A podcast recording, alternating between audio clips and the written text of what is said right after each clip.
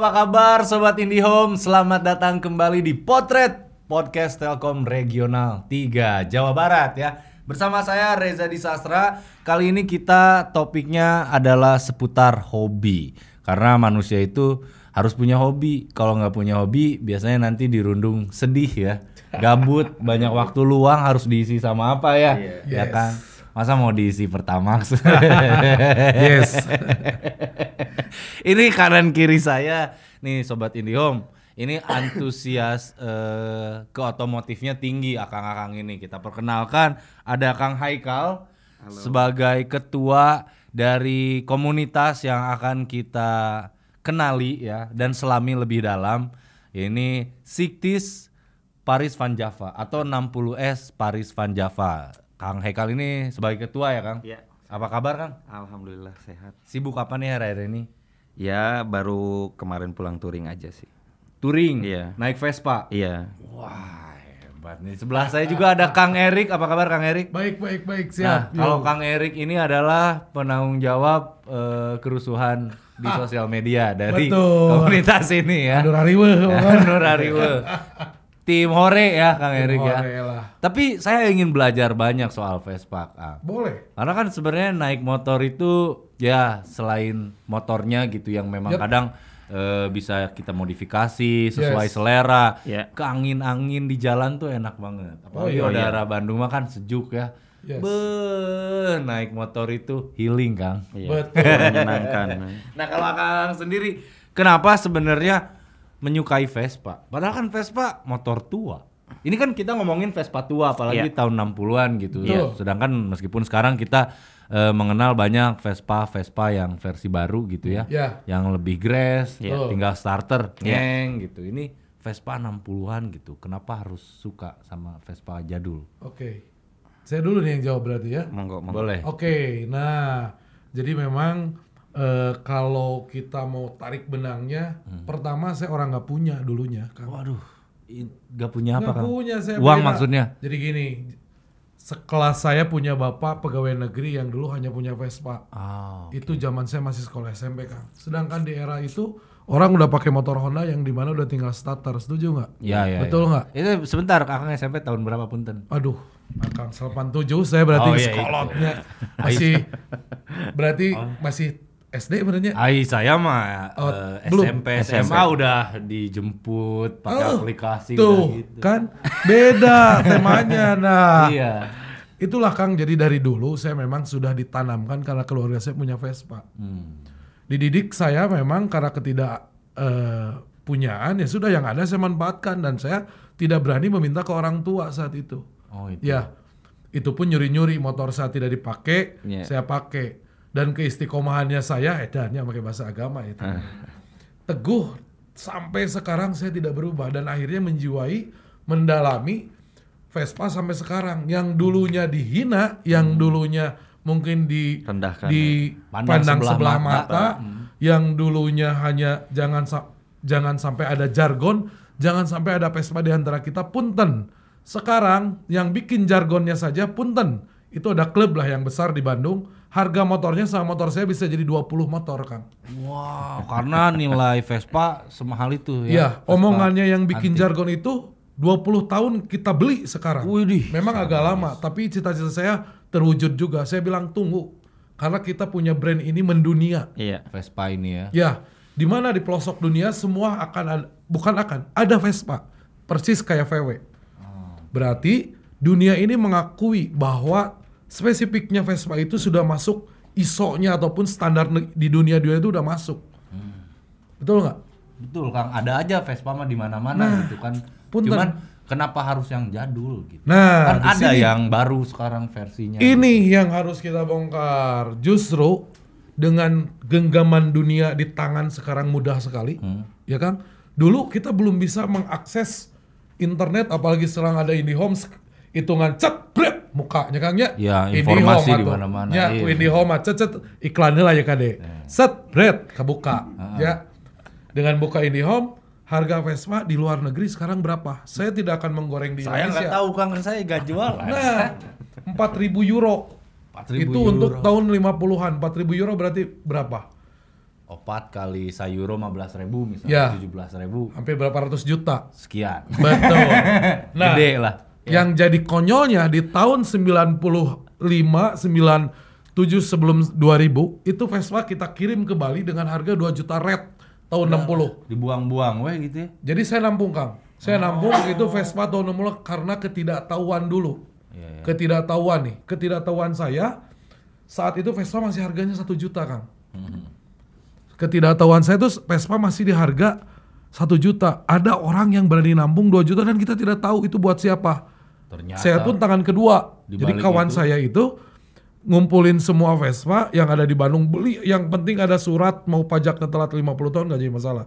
Ternyata dikirim ke luar negeri harganya fuh, karena harganya tinggi di luar negeri Di saat flip itu. Ya, demandnya. Betul, ketidaktahuan kita itu dibohongin sama mereka yang notabene di sini eh, bandar-bandar yang bukan membikin Vespa ini menjadi lebih lebih banyak terus diperbagus dia kirim ke luar negeri hanya mementingkan rupiah. Baru saya berpikir di situ. Dan sekarang adanya canggihnya teknologi kita membong bongkar-bongkar di Google, wah gila harga Vespa.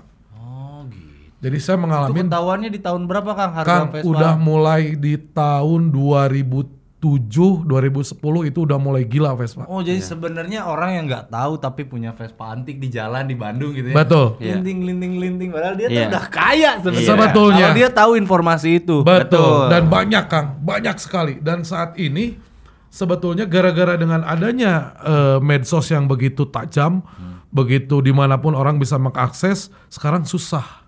Dulu kalau belum ada medsos, saya masih bisa nemuin seri-seri yang dibilang di luar negeri itu Rare lah, rare item. rare, rare, rare item itu masih ada di Bandung dan ternyata Bandung ini semua seri itu ada. Wah. Sebentar, Bandung adalah kota bukan dealer ya, tapi Nah. yang punya punya Vespa di Bandung nih harus Ngeri. tahu nih. Lihat eta. Vespa nu ngajuk-juruk. Bawa ke komunitas ini, siapa tahu kamu jadi tahu nilainya berapa Vespa yang kamu punya. Tapi ini Iya. sekarang ke Kang Hekal dulu Betul. ya Kang. Kalau dari enjoy, Kang. Erik tadi memang keluarga punya Vespa yang diurus, Betul. bisa dibilang heritage ya. Heritage. Jadi dari ayah diturunkan gitu dan eh, Kang Erik menyukainya. Kalau Kang Hekal sendiri apakah dari awal sama ada Vespa di rumah jadi suka Oh, atau gimana? Kalau kalau saya sih enggak malahan, tapi emang kalau bicara kepemilikan Vespa klasik apalagi ya. Heeh. Nah, itu biasanya pasti ada story-nya. Ada story eh, behind sebelum beli si unit itu. kabita Kabitanya. dari mana tuh? Prosesnya ada yang lewat orang tua. Kalau saya kebetulan nongkrong ternyata ada yang eh, apa Vespa Bullet itu cuma belum ada kemampuan di di, di- itu saya SMA lah. Di baru pengen baru tapi pengen enggak bisa beli mah nggak eh, bisa beli ya. gitu. Nah, akhirnya saya punya juga akhirnya setelah eh, saya kerja Hmm. gitu bisa dan mimpi itu bisa kewujud akhirnya bisa dibeli. Oh, jadi memang udah jatuh cinta sama Vespa. Jauh Cari momen yang pas untuk sanggup beli Vespa Betul, pertama. betul. Nah, Vespa pertama yang Kang Hekal beli, Mhm. ini harganya udah melambung tinggi atau orang-orang belum tahu Vespa antik harganya fantastis? sebelum apa saya beli trennya lagi naik cuma cuma eh, harganya belum sefantastis sekarang. Oh, infonya Tapi, belum se- iya. seumum itu ya? Iya, iya, Uh, iya. Berarti ini ya timing pas berarti timingnya timingnya pas. sebenarnya kalau dibilang pas enggak telat sedikit karena kalau eh, kayak Erik jalanin dia jauh lebih lama untuk untuk geluti itu dan Hmm. tahu hal itu kalau saya kan emang karena ke, kepingin dari dulunya Heeh. bukan bukan bukan concern ke investmentnya gitu Nah, tapi kalau bicara investment ya, ini sedikit nih Kang Oke. ya. Vespa yang dimiliki Kang Erik berapa persen ningkatnya? Wah, saya harus hitung dulu. Kira-kira ini mah gak usah akurat. Oke Kang, jadi gini Kang. Kalau Vespa ini ada seri-seri yang di mana eh, tadi dibilang rare item ataupun kolektor item. Jadi saya memang ada seri-seri yang menurut saya ya harganya udah fantastis banget. Sekelas untuk dengan har- harga moge kita berani Kang. iya iya iya Harga mobil ratusan juta. Betul, saya ada. Wow. Ada 5 unit. Wih, bengarnya. dan Ada trennya lima sih bengarnya soalnya bro. kalau investasinya juga kenaikannya tuh bukan lagi nanti nunggu setahun enggak hitungannya bisa per bulan Oh iya. kenaikannya tuh Karena ini increase hobi. Ini nih yang memang menarik dari kita ngebahas hobi ya Sobat Indihome ya. Karena jadinya ada demand-nya ya. Ada demand. Jadi ada Betul. pecintanya ya. Iya. Nah, kalau yang punya Kang eh, Kang Haikal sendiri dari pas beli sampai sekarang itu harganya udah berapa persen tuh? Bis, udah masuk dua dua tiga kali lipat. Dua kali, tiga kali lipat luar biasa. Apakah karena investasi juga yang bikin eh, terbentuknya komunitas Siktis Paris Van Java ini atau gimana nih awal terbentuknya komunitas ini? Kalau terbentuknya sih eh, Berdasarkan kecintaan saja pure murni, jadi investasi teh hanya bonus, Bonus. by product atau memang dari awal niatnya ngeflip pada investasi Oke, Vespa? eh, kalau di kita memang basicnya sama-sama pencinta eh, unit Vespa klasik yang tahun 60-an jelas lah. Di tahun 60-an itu cuma ada Vespa klasik. Nah, jadi emang kita senangnya eh, kecintaan ke- yang sama pengen melestarikan si unit itu. Kan variannya juga banyak di tahun 60-an juga banyak dan kita juga jauh lebih spesifik lagi. eh si Vespa ini yang bulat. Oh, ada ada satu jenis Vespa di tahun 60-an. Iya. Itulah yang pemersatu kalian untuk Iya, komunitas iya. ini. Jadi gitu. kitanya sendiri juga di di di 60S juga sepakat untuk ya kita tahun 60-an juga kan variannya banyak. Ada ada super, ada sprint juga yang sama-sama eh, di tahun itu ada GL. Variannya banyak lah seri lain yang tidak bulat sebenarnya, tapi tahun 60-an juga. Nah, itu juga beberapa varian yang sebenarnya kitanya coba untuk ah pengen punya identitas yang lebih gitu lebih spesifik. lebih ya, Lebih spesifik spesifik lagi aja. makanya Iya. kita carinya apa sepakatnya untuk ya udah kita lestariin dulu yang bulat deh yang emang secara notaben lebih lama dan jarang gitu. Oh, lebih populasinya nggak terlalu banyak lah gitu Oh, jadi lebih eksklusif komunitas Lebih, ini ya. karena yang punya nggak sembarangan gitu ya. Betul. Ini kapan terbentuknya berarti komunitas ini? Inisiasinya, idenya awalnya apakah dari Kang Hekal atau dari teman-teman yang sebenarnya kalau eh, 60S itu awalnya dari mother chapternya ada di Jogja ada di Jogja eh, pertama itu di 2021 nah akhirnya saya juga pengen masuk untuk bikin yang di Bandung saya sempat nawarin untuk saya join di 60S Jogja, Jogja, kata aku mau Iya, pengen gabung, gabung dong, dong di gitu. sini biar ada Karena seri yang gitu ya. karena belum ada komunitas atau klub yang menaungi si ver- eh, seri saya gitu. Kayak Hmm. misalkan Super udah ada, Sprint udah ada, Excel udah ada. Nah, saya tuh pengen yang ada ada satu seri gitu. Ah. Nah, 60S itu di Jogja. Nah, dari situ saya ditawarin udah aja bikin buat yang Bandungnya. Udahlah kamu cari teman-teman kamu. Iya gitu, sana, ekspansi lagi aja udah bu- Oh. buat di Bandung akhirnya saya buat di 2021 sama teman-teman itu. Nah, cuma belum terlalu berkembang. Hmm, Nah, awalnya berapa member tuh? anggota? awalnya cuma 3 sampai 7. Karena langka juga Vespanya ya. Betul. Nah, Nggak banyak kita. nggak banyak. Tahun 60 itu nggak banyak. Nggak Karena yang banyak. tadi saya bilang, udah semua kita jual kan keluar. Iya. Makanya saya temanya di sini dengan adanya Siktis, kita mengamankan dan menyelamatkan aset bahwa ini bi- bi- saya selalu mencanangkan ke Bapak kemarin ketemu dengan Ridwan Kamil, Pak jadikan Vespa ini aset eh, apa?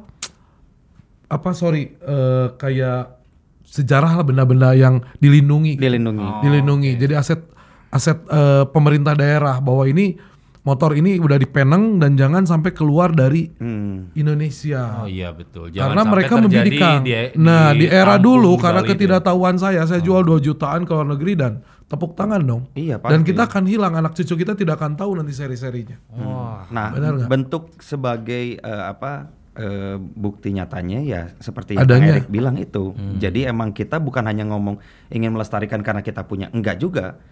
Tapi kalau misalkan nggak ada evidence-nya ya kayak Kang Erik tadi bilang ya, akhirnya maju coba sam- sampaikan ke Rid- eh, Ridwan Kamil posisinya saat itu untuk menyatakan kalau gimana nih caranya ngejaga si unit ini atau dipeneng ke biar nggak bisa keluar.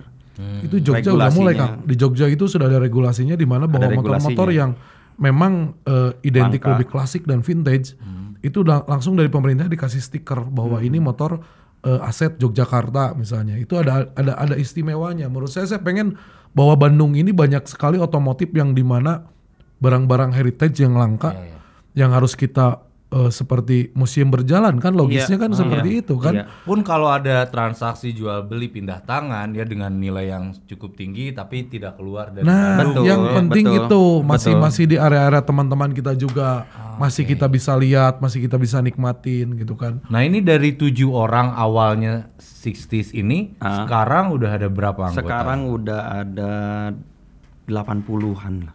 80-an ya. 80. Berarti eh ya 80 Vespa Bullet dari tahun 60-an teh udah ada nih, udah tercatat Ya. di komunitas ini ya. Betul. Kalau Bandung tuh eh, ternyata ada yang punya. Jadi kalau yang Mas punya tapi belum tergabung ternyata boleh karena Boleh, bisa mendapatkan boleh banget, boleh banget. edukasi juga tentang Betul. Ya. nilai gitu mungkin tentang on the Pencarian deal. eh, apa spare part kayak Nah. gitu-gitu atau eh, apa mau belajar eh, karena kan Montir-montir sendiri Ah, gitu ya, ah, di pribadi. dalam di dalamnya juga banyak banyak backgroundnya ada yang dari mekanik ada yang emang serius eh, untuk mendalami eh, sejarah si Vespanya. Jadi kalau misalnya ini aturannya dulu tuh seperti apa misalkan eh kode, ada kodenya apa enggak gitu. Awal dari pabriknya kan kita tahun kayak gimana, 60-an itu seperti standar apa pabriknya seperti detailnya. apa detailnya Detailnya sekarang kan Origin story-nya iya gitu ya.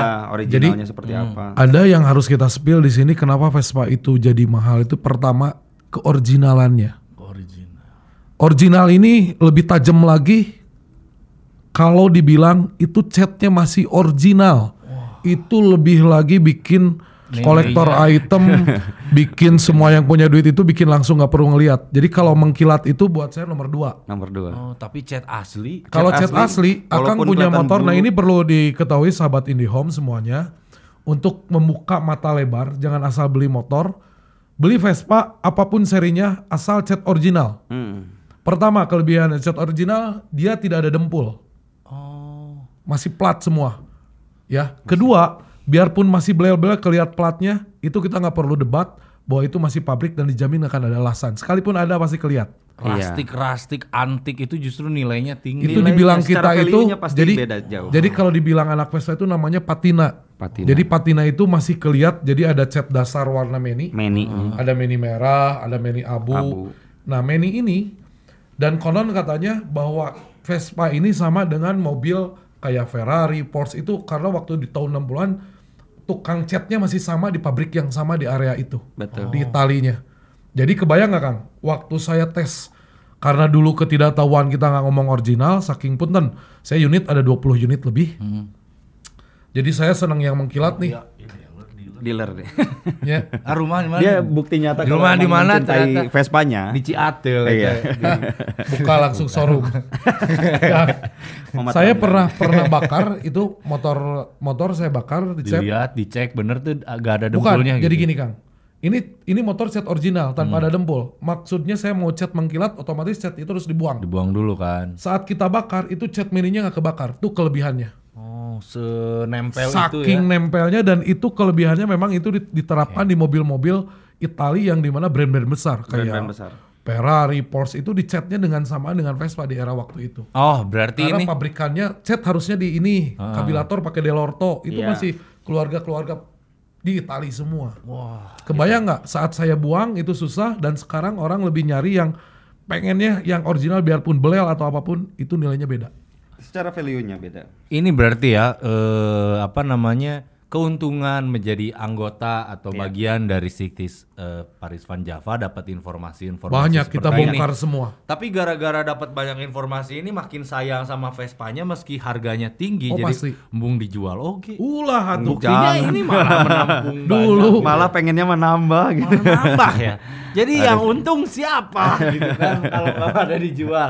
Oke, berarti eh, dari anggota bertumbuh banyak gitu nambah dari 2021 7 orang Iya. sampai hari ini Iya. nyampe 70. iya 80-an. 80 80-an kalau kegiatannya nih Kang selain kumpul untuk sharing mungkin kan eh, berbagi tips and trick iya atau ada kegiatan-kegiatan sosial mungkin atau apa gitu. Iya, iya, iya, iya. Kalau kalau itu sih ada ada kayak kumpul eh, rutinnya di setiap hari Jumat kopdarnya gitu. Nah, sama misalkan satu bulan sekali itu harus riding. Mau San Mori kayak bentuknya, mau touring gitu. Sebulan sekali ada Sebulan sekali. aktivitas bawa Vespa Bawa bawa. Vespanya untuk jalan. Nah untuk rute jalannya itu Itu bebas aja. Nanti kita di, Bandung. di konsep dulu ini Banyak mau lah. mana daerah mana yang belum kejamah misalkan kita mau coba atau misalkan sekalian silaturahmi ke siapa Oh yang Gitu. oh, ini punya villa nih. di Iya, bisa. Betul. Banyak gitu. sekali Kang. Tapi kan ya Kang, punten nih ya Kang. Oke. Ini bukan aku mah karena awam. Iya, nggak ngerti, gimana, gimana, nggak gimana, Kang? Vespa. Yang namanya kendaraan tuh Kang, kan saya mengutamakan kenyamanan, Betul. keselamatan, Betul. ya. Jadi ilmu mogok-mogokan mah kan stres oke di jalan. Nah, Aduh. Kan berarti- Vespa yang saya sering lihat nih ya. Dengarnya. Nobari mogok. Pasti Ad- mogok identiknya. Ada, ada tiga jenis Vespa yang sering uh, Dilihat. muncul di hidupku, ya kan? Yang Mogok. pertama yang masih baru di dealer gitu Oh, kan. iya. Oke. Yang udah metik, Nah. Tinggal nge- ngegas langsung. gas cuma kabita nya Iya. ada Simple. unik, lucu Oke. gitu. Sama Kedua? ayang teh ginian sore-sore ini. Indah. Nuka dua anu aya di pameran, antik ya. Keren gitu Iya, jadul, iya. tapi adanya di pameran, Iya. nggak dipakai, Betul. Dipakai. hurung, bukan Iya, gitu ya. iya. Nuka tilu di sisi jalan, keur Marogok. mogok. Ah. Ah. Bagaimana saya ingin memiliki Vespa di saat bukti-bukti yang saya lihat seperti itu? Oke. Yang saya akan jawab itu sebenarnya Kang yang nomor tiga yang buat seru buat saya. Kenapa yang mogok? Nah, saking ini ini udah saya selalu utarakan di podcast mana, di YouTube mana banyak sekali. Kunon si Vespa selalu identiknya dengan mogok ini yang harus kita bongkar. Kang, Apa? Akang beli Vespa itu pasti paling top-topnya antara tahun 70 tahun 60 karena apalagi tahun 60 ya. 70 60 Ya, tahun 60. Sekarang tahun 2003 berapa tahun itu motor berdiri? 30 40 tahun ya. Oke, 40 tahun. Kebayang nggak anak Vespa dari dulu nggak pernah dibeli spare partnya yang ada diakalin terus? Setuju nggak? Saya bilang. Benar. Karena saking kuatnya dia punya spare part, dari tahun sekarang itu Vespa tahun 60 masih bisa touring ke Bali, ada yang touring ke Itali, disimpan motornya di museum Itali. Tahun 60, saking kuatnya Vespa ini, punten. Bandel ya. Jadi udah bi- udah udah jadi pemotornya prinsipnya gini Vespa itu dibikin bukan untuk 5 sampai 10 tahun. Ini dipakai untuk seumur hidup. Dan Vespa masih berkeliaran di mana pun, spare partnya gampang, mudah dan murah. Saking mudah dan murahnya orang menyepelekan gampang, diakalin we Bisa. diakalin deui. Terus saya diakalin deui ketemu mogok dan diakalin. Simple. Jadi saat rekan-rekan semua beli Vespa tua yang satu ganti semua pengapian baru kedua ganti kabel-kabel karena digerakkan itu Vespa tuh pakai kabel kan Iya. kabel persneling semuanya kabel. Jadi saat akang punya motor tua ganti semua kabelnya itu murah. Satu cuma 10 ribuan paling dapat 6 60 ribu 60 ribu. Betul. Pengapian itu pelatih kondensor kuil sepul itu nggak sampai 500 ribu ganti Betul. untuk 10 tahun ke depan udah nyaman. Dan kita tuh dari dulu nggak mau Kang pelatih rusak di di hamplas. amplas. Nanti udah jarak 10 20 kilo gerbet-gerbet buka magnet hamplas akhirnya busi cepet kotor. Saking kuatnya spare part 10 tahunnya nggak akan diganti anak Vespa mah. Oh, Betul. jadi mogok-mogok di pinggir jalan teh hal yang normal ya Hal sebenarnya. yang- karena karena saking kuat dia punya spare part Kang. Coba kalau motor yang lain nggak bisa diakalin mati harus ganti, ke Ganti bengkel. bengkel. Kan motor-motor sekarang kan secara kualitas spare partnya juga jauh. Harus diganti-ganti. Ganti Kalau kita masih bisa showroom. diakalin dan yang ngakalin itu bukan bukan harus mekanik. Orang-orang yang Orang yang pakainya- pakai itu kita kayak bisa tahu misalkan sendiri. busi di amplas dibersihin aja nah, nyala lagi. Itu belajar pintar saat itu di lapangan dan kita selalu ada empati di saat ada motor akang mogok pakai Vespa saya pakai Vespa saya akan Ah, berhenti. Itu tuh tapi yang sering saya lihat ya Betul. gitu. Solidaritas Itu ya kelebihannya, dari punten. Salah satu Semua Vespa klub- mogok langsung ngebantuin. Semua penghobi apa pun berawal dari Vespa tertanam bahwa persaudaraannya kuat di situ. Karena kita merasakan saat pakai Vespa kita mogok, kita mencari ke siapa? Hanya Vespa lagi. Pasti nanti ada yang bertanya kunaon businya atau apa? Ngasih. Dan nggak perlu dibayar. Nggak Kalau nggak, hayu di step kalau dia bisa nyetep. Kalau nggak, dia punya ilmu, dibongkar, ditungguin.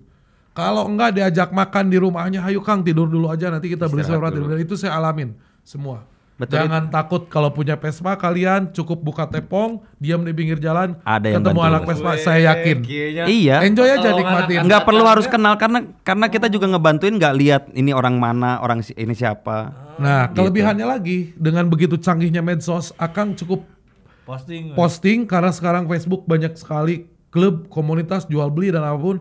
Saya mogok di daerah Anu, saya kejadiannya seperti ini, saya jamin hitungan paling lama satu jam akan ada yang datang. Betul. Oh, gitu. Ya. Jadi Ngeri nggak? ini kan kalau saya perhatiin nih kegiatan touring tuh biasanya di jalan ya. Iya. kan? Iya. Tapi kalau lagi nggak jalan tuh, nongkrong-nongkrong tuh ngapain Ya biasa? kalau saya pasti live TikTok Kang. Saya Iya. harus harus harus Update, live karena update. update di saat kita di lokasi itu wajib menurut saya karena biar orang tahu posisinya lagi di mana. Iya. Oh, dan biar netizen juga pada Oh, paham. harus tahu. harus. Dikasih saya paham ya. Kasih saya paham. bongkar semua di situ. Ini biar saya juga kasih paham nih. Gimana Kalau nih? ada kebutuhan gitu kan misalnya Gimana nih? di Apa tuh? rumah, orang rumah internet harus tetap berjalan kan di Oh. home kan. Iya. Oh ya pas saya pakai IndoHome Nah. di rumah IndiHome. Keluar itu ada Orbit. Keluar rumah nih Akang nih ya, Hah? live streaming outdoor gitu, Oke. pas lagi touring-touring bisa bawa Orbitnya. Oh. Itu kuota 20 GB. Oh, Orbit itu portable. Portable. Jadi, Jadi bisa dibawa ke mana aja. ya dengan paket 300 ribuan aja. Asik. Wah, di rumah ini dapat speed 50 MB per second. Beuh. Yang akang-akang Red. bawa keluar rumah ini orbitnya itu dapat 20 GB kuota. Oke. Dan ini bisa sampai up to 6 device. Beh. 6 6 ini ya, 6 alat ya Enam yang alat. menggunakannya. Jadi cocok banget tuh Kang, 300 ribu IndiHome, touring jalan, yang di rumah nggak boring kan? Ah. Ya. Papa touring, mama nggak boring. Iya Iya. betul itu sekali. Nah Asik. buat sobat IndiHome yang ingin penasaran juga gitu ya eh, orbit seperti apa, langsung aja akses link di bawah sini ya. Ini. Oke. Langsung. Ada yang beda dari yang klub-klub lain tidak bisa dirasakan saat kita jalan ke pelosok dan ini siapa nggak tahu siapa penggagasnya tiap ketemu anak kecil semua pada hormat kita. Iya. Vespa. Ada yang kayak gitu. Itu semua se-Indonesia. Dan saya nggak tahu siapa yang ngawalin. Kalau dulu kita PW, PW Beat. Oh, dulu kan iya, kita iya. dulu ada PW, cepret PW Beat. Fairbit. Kalau Vespa sekarang lewat anak-anak SD pada Hormat. hormat semua. Saya juga nggak ngerti itu Vespa. kenapa. Itu siapa yang ngawalinnya kita nggak tahu dan ada kelebihannya itu. Mungkin bukan hormat ke Vespanya Kang. Hormat ke Vespa. Hormat ke Vespa Hormat aja. ke orang tua. Hormat ke Vespa ada. Wah ngeri kan Tapi emang kalau itu ya saya juga ngalamin, sempat bingung juga. Ini kenapa ya? Bingung sekali gitu anak-anak Vespa. Apalagi semua. orang-orang di daerah gitu. Ah, Oh, dapat pengakuan tersendiri. dapat Ada pengakuan dan pengakuan. dapat beda-beda. Maksudnya apa? Tiap daerah tuh pasti selalu anak-anak SD pasti ngeliat Vespa ada hormat. Kalau enggak ngejer sambil teriak-teriak Vespa, ada Vespa, ada Vespa. Wah, saking uniknya berarti. Ah, apalagi sekarang punten Vespa bukan dipandang sebelah mata lagi karena yang pakainya selebritis-selebritis Indonesia yang di mana nominalnya begitu fantastis, dia beli yang harganya udah di atas punten ada yang 1,2 m kan. Nah, ini eh balik lagi ke nilai yang terus meningkat kan bisa jadi investasi. Oh, kan? iya. Apakah boleh sebenarnya kalau saya bertujuannya ngeflip weh beli murah jual mahal Oh. nyari yang nggak tahu harga gitu Iya. kan karena belum masuk komunitas jadi taunya ditawar 5 juta gitu yang dilepas Dikasih. gitunya Iya, iya. terus ku saya jual ke selebritis yang FOMO eta pe Iya. di 1 MG dibeli gimana Iya. boleh itu Kang Iya, Bebas. Kan, bebas itu Bebas mah. itu kan mah. itu kan sebenarnya kembali ke masing-masing tujuan bervespanya ya. Oh. Kan di scene Vespa juga eh, apa banyak orang yang punya apa backgroundnya seperti apa gitu. Hmm. Kepentingannya apa? Kalau misalkan tujuannya emang ada yang berdagang Bisnis. juga, bisnis ada. Dari mulai jualan bukan hanya unit, spare partnya juga sama aja, Oh. aksesorisnya juga sama aja. Nah begitupun eh, orang yang emang dia pengen hanya bergaul aja atau nyari link atau nyari eh, apa namanya Networking gitu networkingnya buat mereka gitu. Oh, ya berarti- itu bebas-bebas aja. latar belakang anggota di 60s Paris Van Java ini beda-beda ya. Majemuk sekali di ada kita yang juga. cuan orientasinya, ada. yang memang suka kumpul silaturahmi, pure hobi dan Betul. lain sebagainya. Betul. Dan itu welcome ya, semua Welcome pun aja. boleh bergabung karena eh, siapa pun punya sesuatu yang ditawarkan. Betul. pastinya. Nah, si tempat kitanya ini adalah sebagai wadahnya untuk menampung biar biar lebih terarah aja. Orang yang punya latar belakang berbeda, Iya. cuma dipersatukan oleh Vespa Iya, 60-an. iya. Di situlah bersinergi gitu. Betul. Kang, ya. Jadi yang jualan juga bisa bisa dapat si apa namanya pembeli, Pembeli. yang yang sehat Ah, maupun pe- si pembeli gitu bisa tahu oh karena ini kita satu komunitas dan dia tahu gimana orangnya. Bisa akhirnya Ipa, aman belinya. Iya, iya gitu ya. Rata-rata begitu sih jadinya. Oh, Nah, kan lebih aman ternyata. gitu. Ada yang uniknya di saat di 60-an ini Kang. Ini kan saya harganya nggak wajar Kang. Iya, masa Ya, Vespa betul 1,2 M itu Nah, mah tuh aku naik haji Ini ada dua orang Kang. Jadi ada dua tipikal memang yang punya Vespa ini dua. Satu memang dari dulu kayak saya nyimpen. Satu lagi memang orang yang punya duit. Yang Logisnya Aduh ada duit lebih nih. Punten. Lagi happening apa ya, gitu ya. punten nih, punten. Sekarang yang beli Vespa itu orang yang lebih dalam arti lebih itu karena gini, logikanya akan punya 200 juta beli 1000 cc atau beli 150 cc pasti beli 1000. 1000 cc. Berarti yang beli Vespa itu yang 1000 cc udah banyak. Setuju nggak saya ngomong? Iya harusnya. Ya, karena kalau orang yang baru punya uang, saya akan beli yang 1200 cc dibanding yang 125 cc. Iya. Sekarang yang harga 125 cc itu harganya udah 150 juta. Berarti dia udah di rumahnya udah yakin Udah punya. ada pasti yang Ya. ininya. Nah, akhirnya networking tadi itu di dalam orang-orang Vespa itu ternyata banyak sekali pengusaha-pengusaha. Iya. Betul. Jadi jangan pandang sebelah mata yang dulu dianggapnya kita tuh hanya ah mana emang boga motor aki-aki euy. ah mana emang motor lagi motor guru. Saya bantah dan saya pecahkan semua di sini sekarang. Karena kalau saya sudah rela mengeluarkan uang ratusan juta untuk motor 125 cc, berarti saya sudah punya banyak uang untuk beli Nah, motor ribuan iya. cc dan Itu. mobil double kabin ya. Itu Iya udah kan? jelas. Kalau Betul. ini Pasti. kalau ini hanya motor saya satu-satunya nah naon Nggak mungkin, nggak Nah. mungkin orang mau spend money Nah, besar. jadi orang beranggapan dulu gitu kan, ya bahwa Vespa yang dianggap sebelah mata sekarang pecah semua. Iya. Dipecahkan sekarang logisnya saya sebutkan namanya. Atta Halilintar saja. Ya, punya tahun 50 yang harganya luar biasa. Rapi Ahmad Raffi Ahmad. punya motor berapa? Wah, Kok pasti banyak motor ya. gede, motor apa, Nah, mobil. Iya, tinggal dibuka nanti di YouTube-nya yang tahun 51 disimpannya di tengah rumah.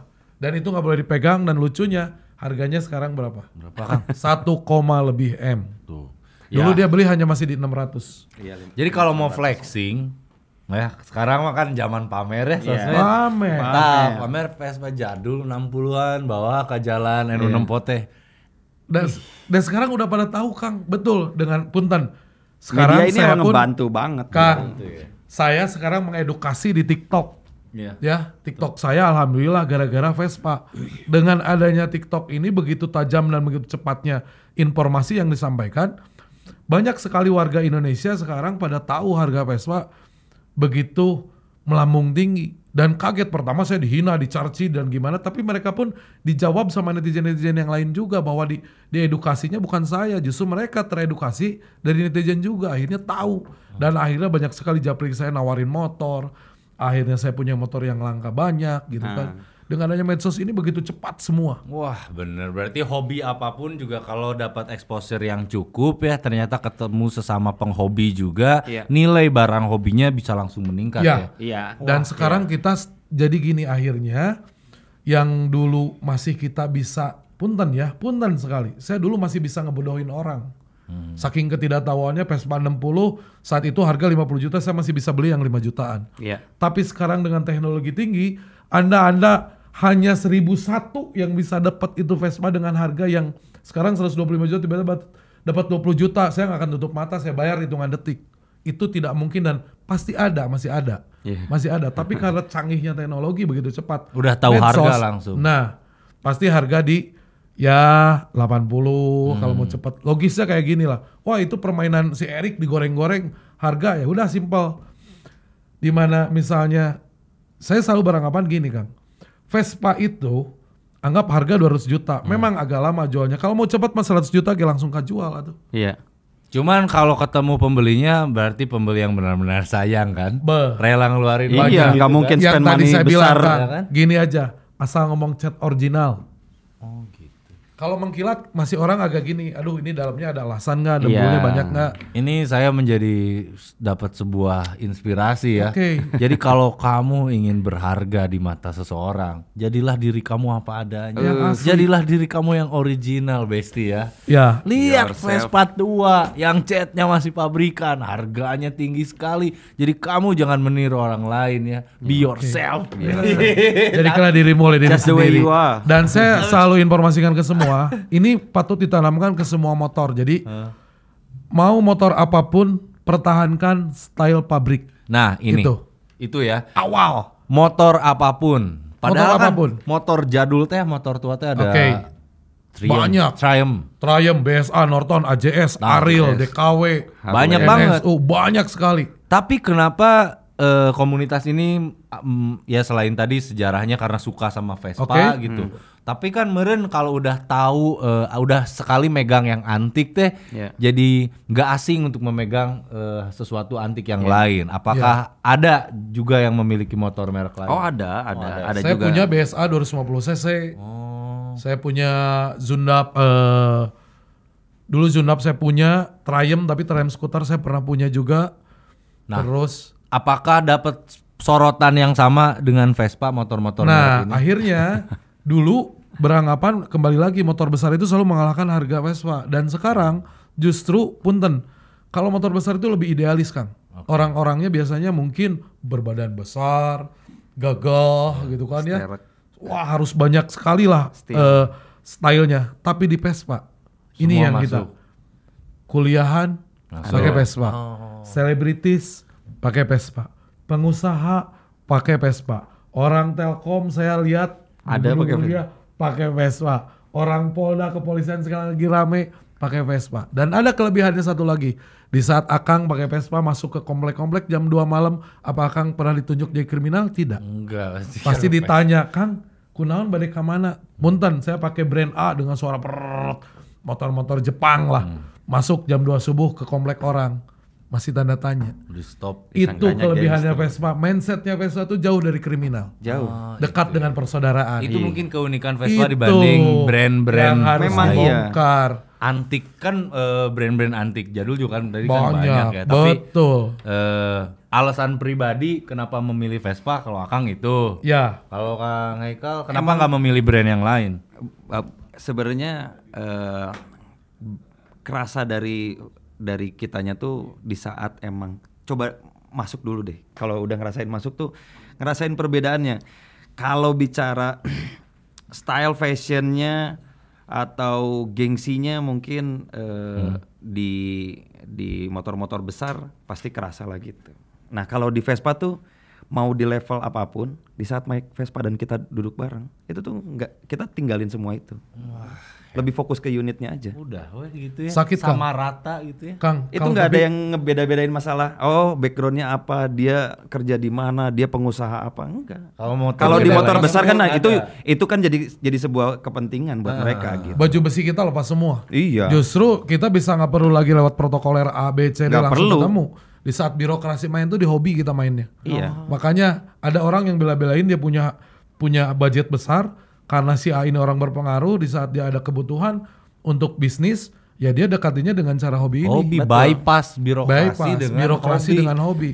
Persaudaraan Langsung. ya. Dari makan duduk jalan-jalan ngobrol ngopi langsung akhirnya menyelipkan sedikit bro Project teh boga project gini. gitu ya. ya udah deal kita udah kenal ini deket enjoy kan. hobi. Yang Vespa. jelas Vespa ini menyatukan semua baik hobi, bisnis dan apa pun di sini semua ada. Wah. Dan semua rata, tidak membedakan suku ras agama. Iya tapi dan well. kayak 60S sendiri pun akhirnya kerjasama sama gedung sate rutin. Oh, dengan pemerintah kita sering. Kita pemerintah juga de- kedekatan itu juga. Festival-festival. Ya, apa, iya, Ah, iya. kan support melihat- setiap program-programnya. Itu juga bentuk kenapa saya bilang tadi eh, kita kerja bisa kerjasama karena emang nggak dilihat siapa orangnya.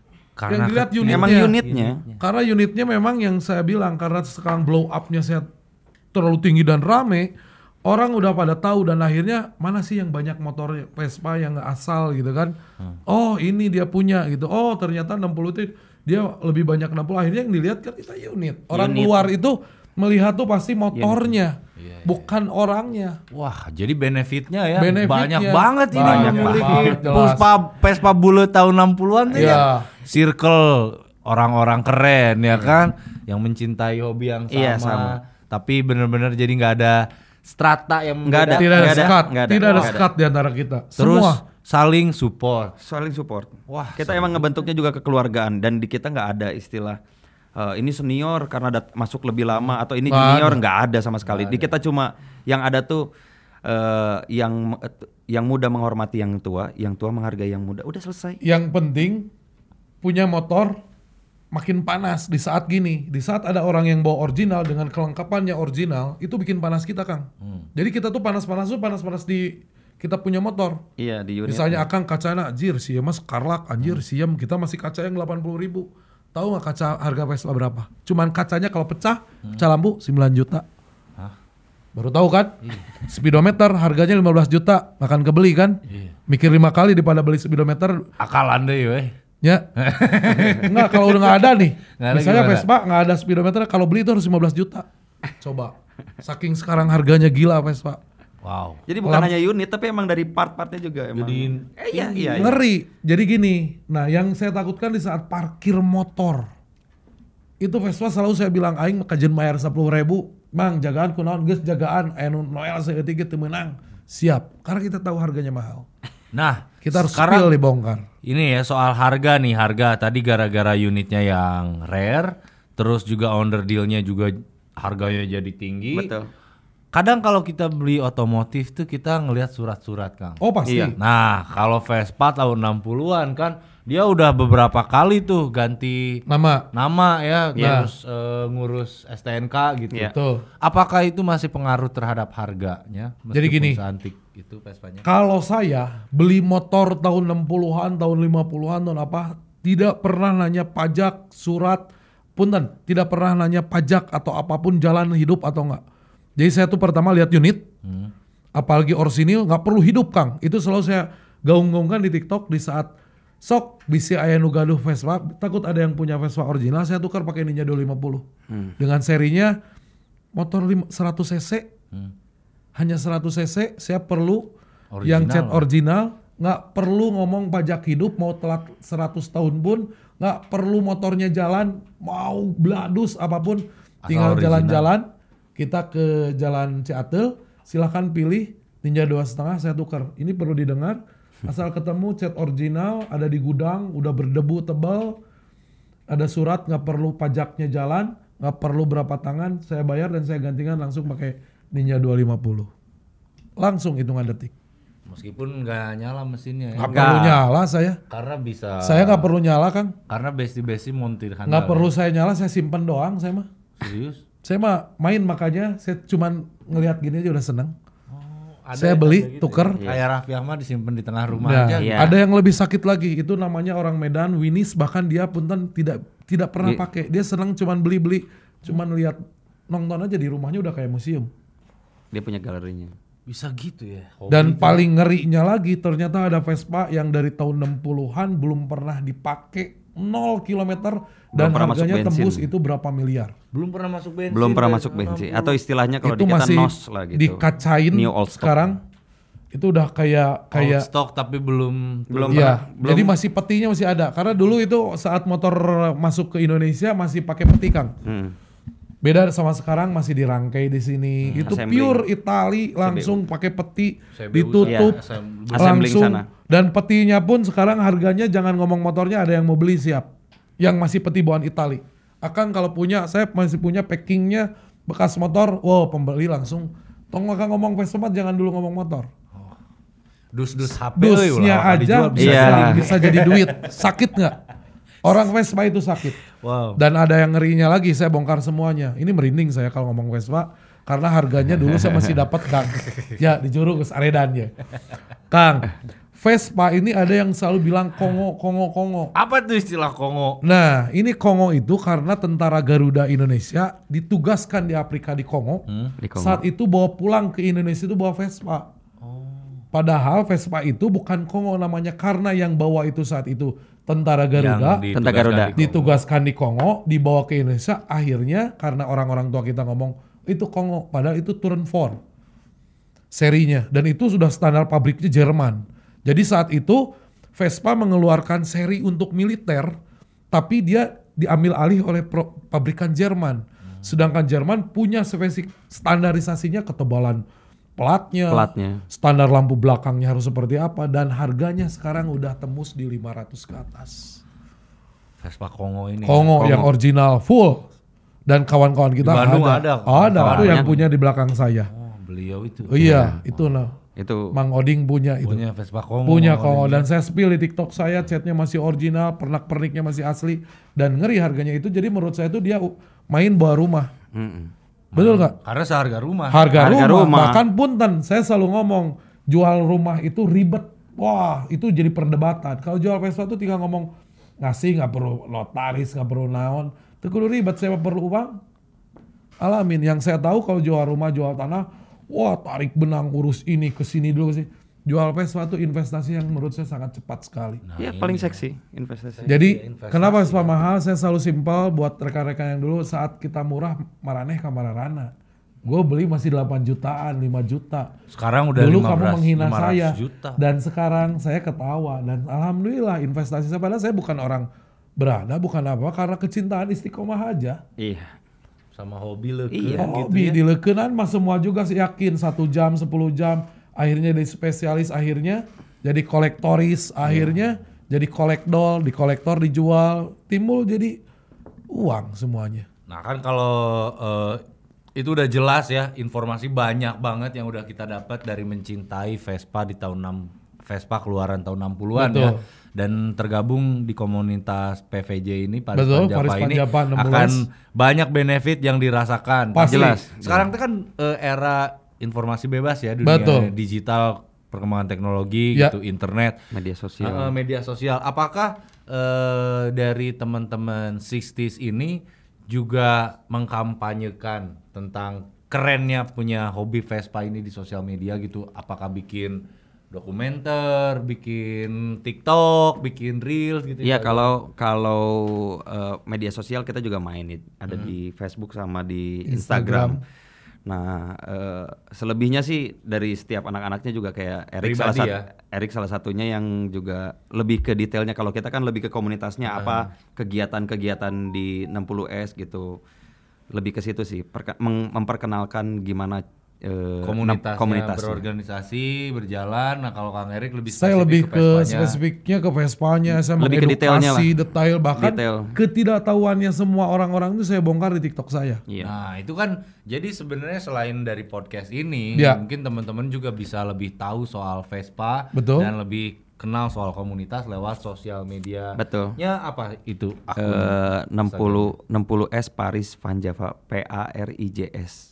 Paris. Paris. Paris oh. P biasa Jadi, eh, A R I J S. Z. Itu Paris. di Panjapa. tulis nanti. Oke, nanti Paris Panjapa ya. Instagramnya. Kalau Kang Erik Instagramnya apa? Saya Instagramnya Erik Berebet, E R I C K Berebet, B E R E B E T. Itu informasi lebih banyaknya mungkin TikTok Kang sih, Haikal lebih ada seru. Ada Haikal Muhammad 2310. Nah di situ TikTok Kita rame. bongkar. TikTok yang sekali rame. Wah itu nggak ada tikang itu Kang.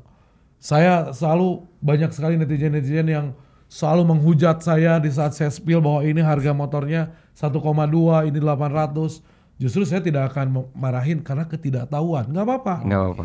Welcome buat saya. Jadi mungkin biar netizennya eh, Kang Erik pada tahu, mungkin nanti klip atau bagian dari obrolan podcast ini nanti diposting di TikToknya. Asik, boleh dong. Saya Ya kan? share bisa. Iya karena ini harus kita semua. Tadi saya aja pasti. tadinya nggak mau naik Vespa. Betul ngapain? kan akhirnya Sekarang saya terkontaminasi. Iya, sekarang saya makin nggak tahu dari mana duitnya untuk dapetin Vespa 60-an. Karena keburu mahal itu ya. keburu mahal, makanya saya sudah bilang dua. Itu dulu memang kamu pertahankan. Kedua sekarang harus punya duit. Simple.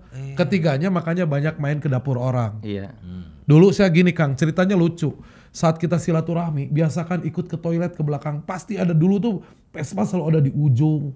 Ngejugrug lah, udah diem. Itu saya selalu dapat saling silaturahmi. Lihat Jadi ke dapur orang. Hah, Eh, enggak, Vespa. pokoknya mah Kang banyakin silaturahmi, banyakin main dengan silaturahmi itu semuanya muncul. Betul. Saya selalu banyak keanehan-keanehan saat silaturahmi. Orang kalau udah nyaman, jangankan ngomong value, ngomong motor saya dikasih, pernah.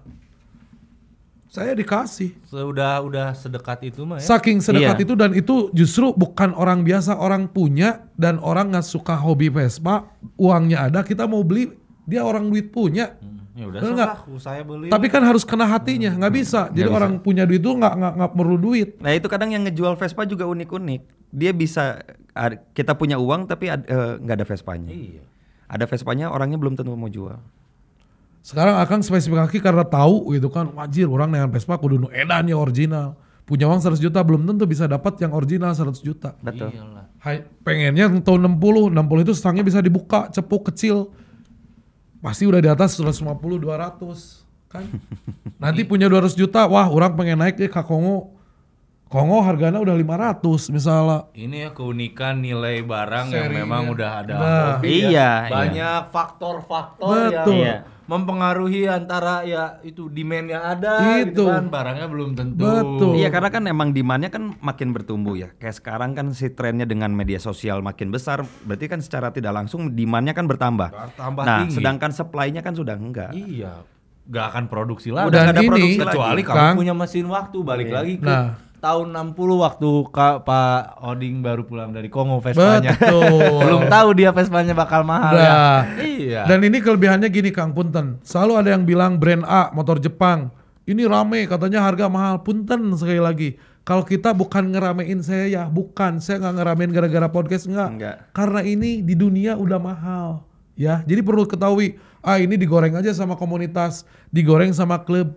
Bangun tidurnya sekarang, tinggal buka cek, buka di negara lain berapa harganya. Masa kita mau murah? Itu. Berarti itu pesannya nih buat Iya. Ya, jadi kita eh, tidak menggoreng.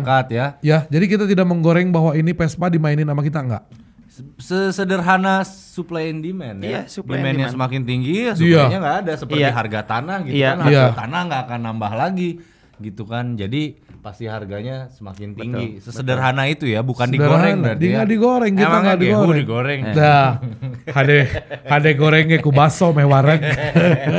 itu berarti mungkin pesan terakhir nih sebelum kita menutup podcast ini apa yang ingin disampaikan dari Kang Haikal komunitas 60s PVJ. Kalau saya sih lebih eh, lebih mencintai unitnya aja sih ya, karena berusaha melestarikan karena nggak nggak bisa hanya kita kita aja yang melestarikan mungkin dari dari penonton podcast ini juga bisa ikut eh, berperan serta untuk melestarikan si unit-unit itu juga. Kalau Dan mau bergabung juga bergabung aja. ya. Ayo kita terbuka sekali. eh, yang belum punya unit pun mau tergabung dulu boleh. Nanti kita diskusi dulu. Ada ada ruang buat kita diskusi di momen kopdar mungkin mau datang datang aja. Nah, misalnya punya Vespa, tapi bukan keluaran 60-an. Nggak apa-apa. Boleh. Boleh aja. Kan buat silaturahmi jangan pernah dibatas-batasi. Oh, karena Kalau kita sebenarnya di luar eh, kepemilikan Vespa 60-an juga masing-masing dari anggota pasti punya Betul. koleksi lainnya Betul. ya. Serinya betul. Jadi saya nggak tahu Iya, 60-an. enggak. Nah, jadi emang kita terbuka aja dan saya berharap juga eh, buat klub atau komunitas lain 60 Esparis Panjapa bukan kompetitor.